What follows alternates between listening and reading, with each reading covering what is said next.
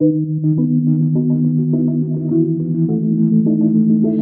die deutsche Sprache auf Deutsch und auf Polnisch. Deutsch mit Monika.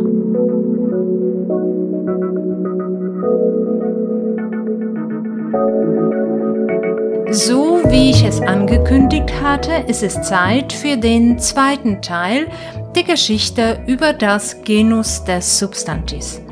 Die erste Folge, die das Blut in Adern gefrieren ließ, wartet auf ihre Fortsetzung. Was ist bis jetzt passiert?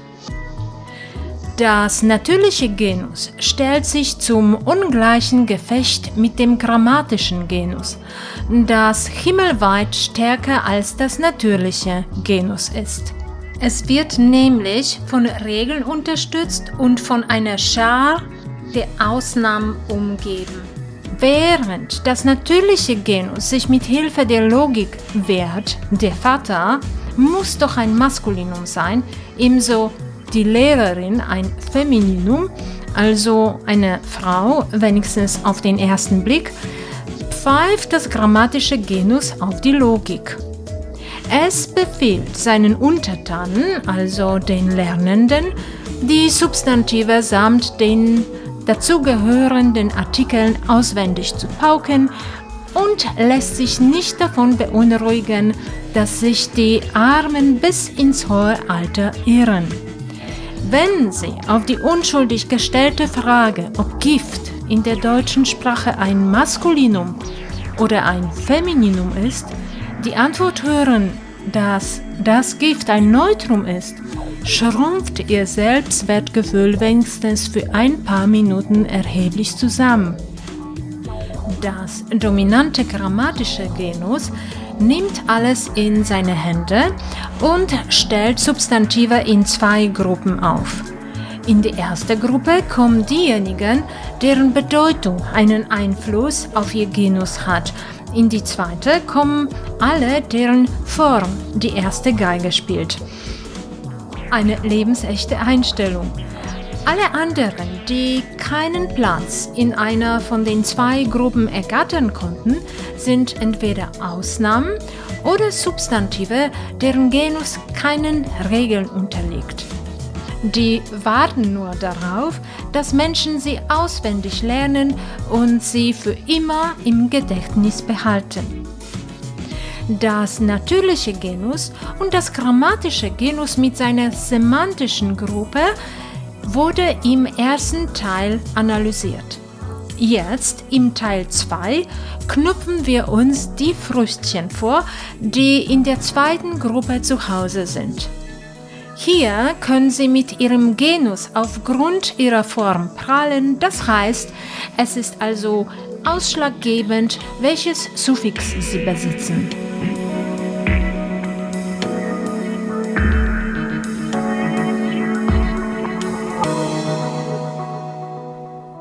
Die Teilung der Substantive aufgrund der Form. Maskuliner. Deverbativa mit Nullsuffix. Der Gang. Der Gang. Der Sprung. Der Sprung.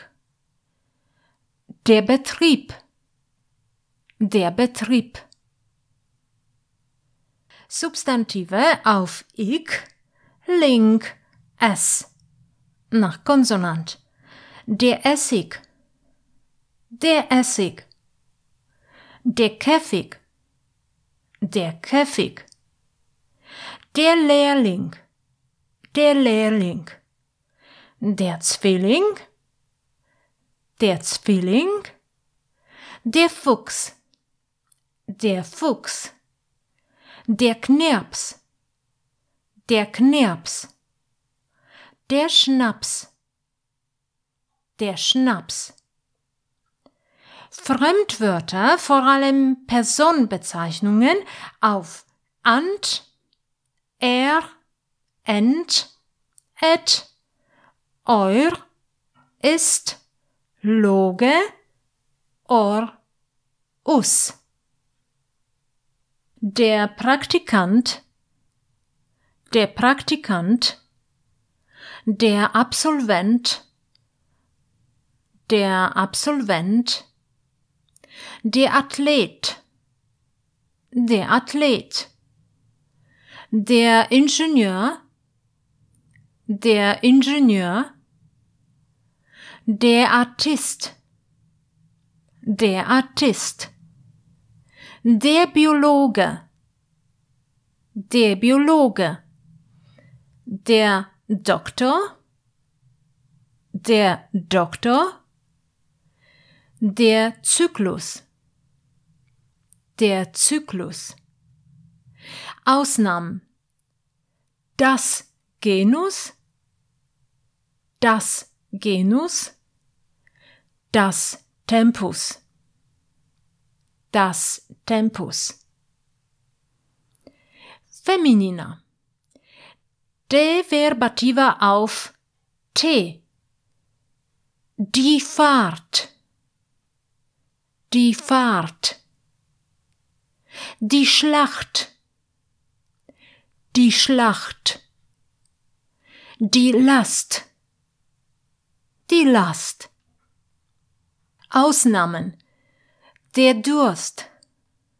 Der Durst. Der Frost. Der Frost. Der Dienst. Der Dienst. Das Gift. Das Gift.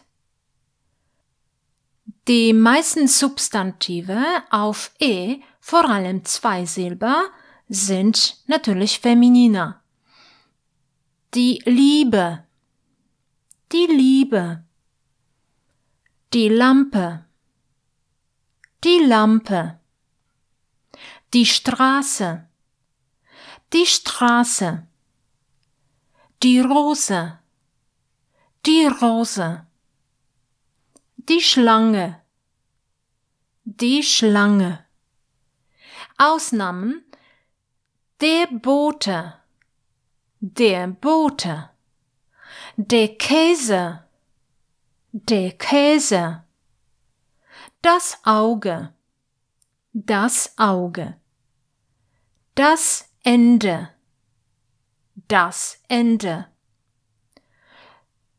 Substantive mit den Suffixen ei, heit, keit, schafft, ung. Die Bücherei, die Bücherei, die Malerei, die Malerei, die Partei, die Partei, die Gelegenheit, die Gelegenheit. Die Krankheit, die Krankheit, die Wahrheit, die Wahrheit, die Fähigkeit, die Fähigkeit, die Kleinigkeit, die Kleinigkeit, die Standhaftigkeit, die Standhaftigkeit, die Freundschaft, die Freundschaft, die Gesellschaft, die Gesellschaft, die Wirtschaft, die Wirtschaft, die Heizung, die Heizung, die Lösung, die Lösung, die Verfassung, die Verfassung. Fremdwörter auf age, et, ans, ens, i, ik, jon, ur. Die Etage, die Etage, die Qualität, die Qualität, die Ambulanz, die Ambulanz. Die Differenz, die Differenz, die Kopie, die Kopie, die Klinik, die Klinik, die Deklination, die Deklination, die Dressur, die Dressur.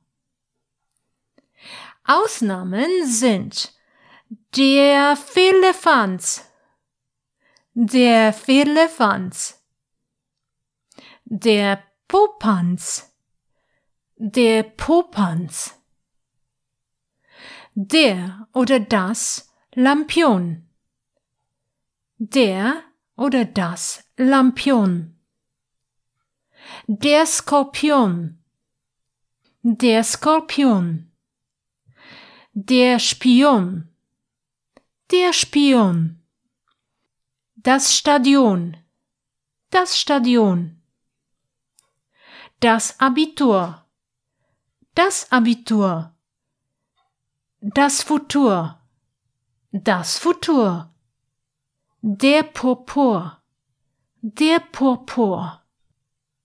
Neutra.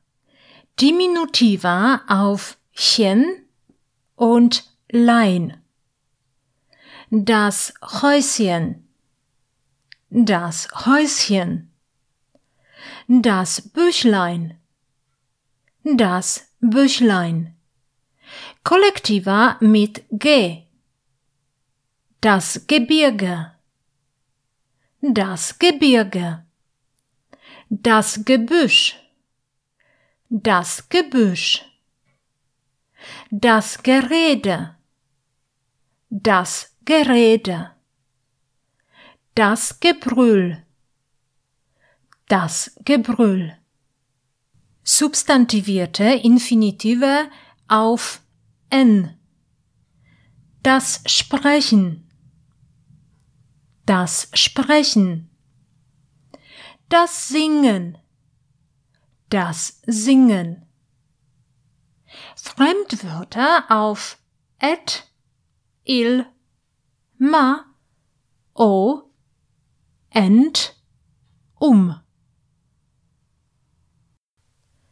Das Kabinett, das Kabinett, das Ventil, das Ventil, das Drama, das Drama, das Konto, das Konto, das Dokument, das Dokument, das Zentrum, das Zentrum.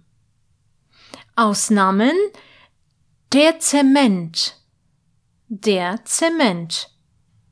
Und die maskuliner Personenbezeichnungen auf end, zum Beispiel der Absolvent, der Absolvent. Die Mehrzahl der Substantive auf nis sind ebenso neutra.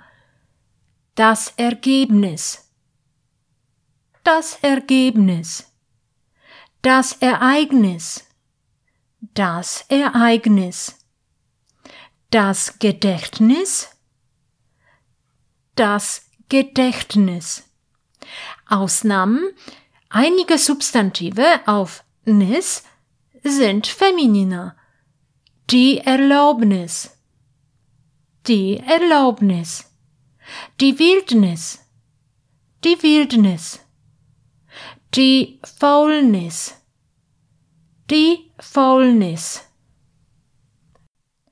Außerdem einige Wörter wie die Empfängnis, die Empfängnis, die Finsternis, die Finsternis, die Bitternis, die Bitternis und einige vor allem im Plural gebrauchte Wörter wie die Ersparnis, die Ersparnis, die Erschwernis, die Erschwernis.